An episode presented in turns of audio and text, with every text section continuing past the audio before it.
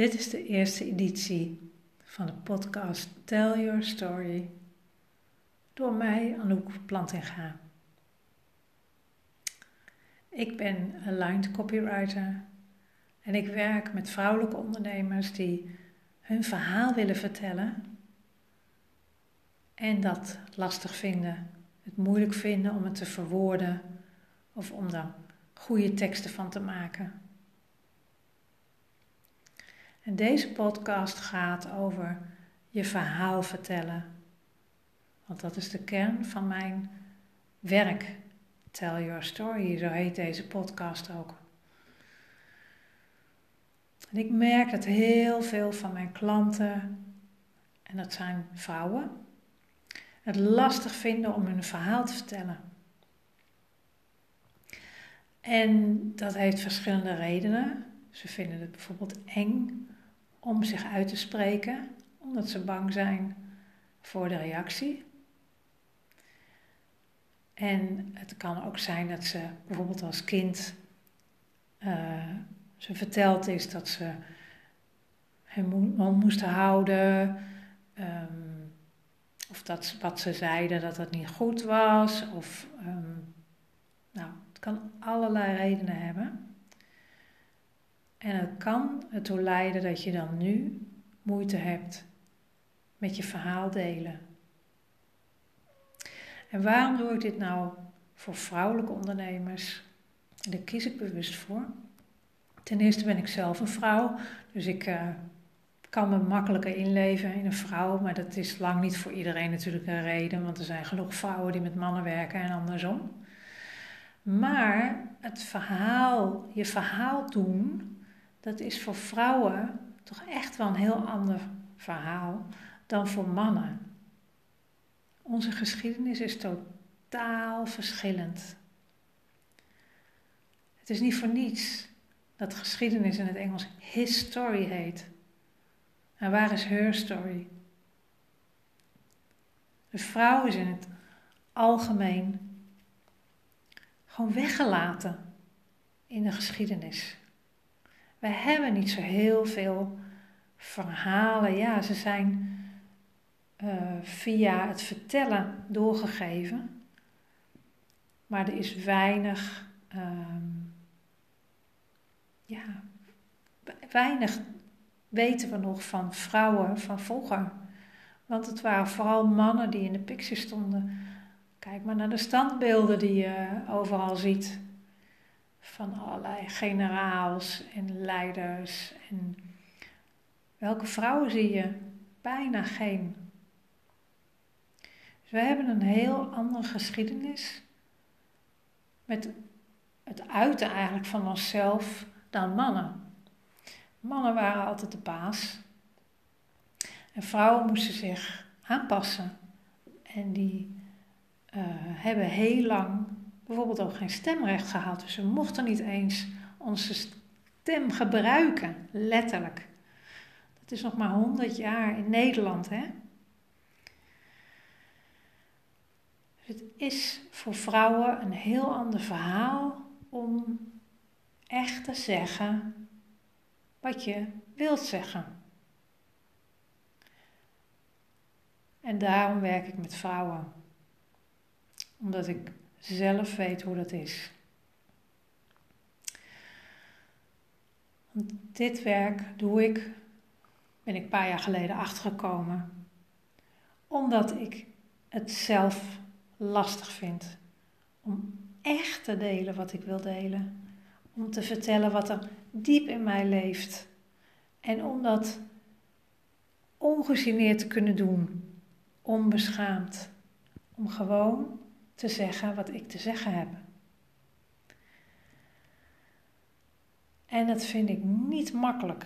Ik schrijf makkelijk, ik verwoord dingen makkelijk, maar als het echt gaat om wat ik vind, om wat ik werkelijk vind, om mijn mening of mijn uh, weten, mijn intuïtief weten, dat soort dingen, dan vind ik dat niet makkelijk om te delen.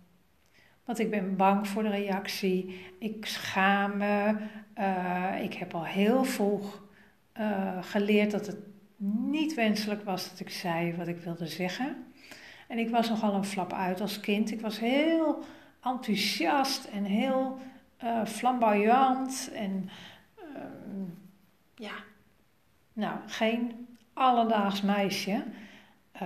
Ik kleedde me toch vrij bijzonder. Ik gedroeg me, nou, enigszins apart, zeg maar. ik was gewoon een beetje een bijzonder kind. En ja, dus ik zei ook bijzondere dingen. En dat werd niet altijd gewaardeerd. En dat had ik vrij snel in de gaten, dus ik ben me steeds meer gaan terugtrekken. Tot het moment dat ik eigenlijk helemaal niks meer zei. Tenminste, de dingen die me werkelijk raken, die, me, die, me, die ik echt belangrijk vind, die ben ik steeds meer gaan binnenhouden. Maar nu ik aan het ondernemen ben en me steeds meer bezighoud met mijn missie en dat waar ik voor gekomen ben hier in het leven, gaat dat ongelooflijk wringen. Want het kan gewoon niet langer meer. Ik kan me niet meer inhouden. Ik moet gewoon mijn verhaal doen. Daar ben ik voor gekomen. En ik weet dat jij dit ook bent. Want als jij een vrouwelijke ondernemer bent, dan heb jij een prachtig verhaal te vertellen. Dat weet ik. Want elke ondernemer heeft een prachtig verhaal. Überhaupt elk mens heeft een prachtig verhaal. Maar jij bent gaan ondernemen en dat heb je met een reden gedaan. Daar zit een, een doel achter, een missie achter. Een prachtige reden. En het kan heel goed zijn dat je die nog niet helemaal helder hebt. Of dat je die nog niet durft helder te krijgen, omdat je dat spannend vindt. Omdat het zo van jou is en je misschien niet weet hoe de, hoe de reacties daarop zijn. Of dat je daar, ja, ben je onzeker over misschien. Um, of misschien denk je wel, nou ja, wie zit hier nou op te wachten? Of hoe moet ik dat dan zeggen? Allemaal van die dingen. En dat maakt voor een aantal ondernemers, vrouwelijke ondernemers, dat ze hun verhaal helemaal niet gaan vertellen. Of dat ze een, een soort van correct verhaal gaan vertellen. Of een verhaal waarvan ze denken dat mensen daarop zitten te wachten. En dan is het niet meer aligned, zoals ik het zeg, zoals ik dat zeg. Uh, aligned, zeg maar, op één lijn met wie ze werkelijk zijn. Dan is er eigenlijk een kloof tussen wie ze zijn en wat er bijvoorbeeld op de website staat. Of wat ook uh, regelmatig voorkomt, is dat ze een tekstschrijver hebben ingehuurd. En die heeft tekst geschreven en ze zien zichzelf er niet meer in terug. En een van mijn ja, missies is om die kloof te dichten. Om te zorgen dat jij als vrouwelijke ondernemer samenvalt met wie jij bent als persoon. Want als je ZZP'er bent, dan ben je jouw bedrijf. En jij als persoon bent degene die klanten gaat aantrekken. En als jij meer van jezelf laat zien, omdat jij nou eenmaal uniek bent, je bent een uniek persoon. Er bestaat niemand anders op de wereld zoals jij. En er zal nooit meer iemand zijn op de wereld zoals jij.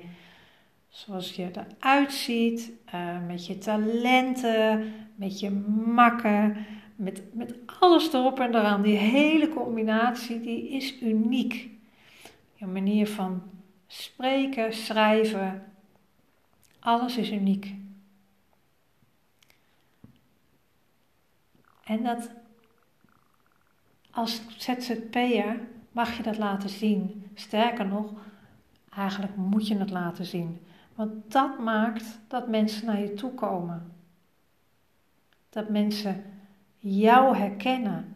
Als ze echt jou zien, wie jij bent en wat er onder, eigenlijk bijna onder jouw werk zit. Dus je hebt je werk, de dingen die je doet, maar daaronder zit nog een drijfveer, een missie, een purpose, nou ja, hoe je het ook noemt. En als je dat laat zien, dan ga je daar de juiste mensen bij aantrekken. En dat is wat, wat, mijn, werk, wat mijn werk zo mooi maakt. Dat vind ik zo mooi om te doen. Om te zien welk verhaal er in jou huist en wat het goud daarin is en wat naar buiten mag komen, wat getoond mag worden, wat geschreven mag worden, gesproken mag worden. En daar word ik echt heel erg blij van. Want het is zo mooi om te zien als iemand echt weer voelt van, oh ja, hier ben ik voor gekomen. Dit is wat ik te doen heb. En als dat echt indaalt, zeg maar, dan is, dan, dan is daarna de weg vrij. Dan, dan gaan ze gewoon hun ding doen. Dan gaan ze ineens berichten op social media stoppen. Dan gaan ze bloggen. En dan gaan ze hun ding doen. En dan zijn ze niet meer bezig met, oh jee, wie zit erop me te wachten? En is het wel goed genoeg? En al die dingen. Want dan weten ze, ik heb een verhaal te vertellen. Ik heb een verhaal. En ik ben niet gekomen om dat binnen te houden. Ik ben gekomen om dat te delen. En om het te delen met de mensen die dat verhaal nodig hebben. Precies dat verhaal. En ik wil je heel graag hier tips voor geven, uh, voorbeelden van geven, uh, je meer hiervan geven om te zorgen dat ook jij je verhaal gaat vertellen. Want daar zit de wereld op te wachten. Jouw unieke verhaal is zo mooi. Dus ga het vertellen. En in de volgende podcast ga ik daar weer meer over vertellen. Dus tot de volgende keer. Dag.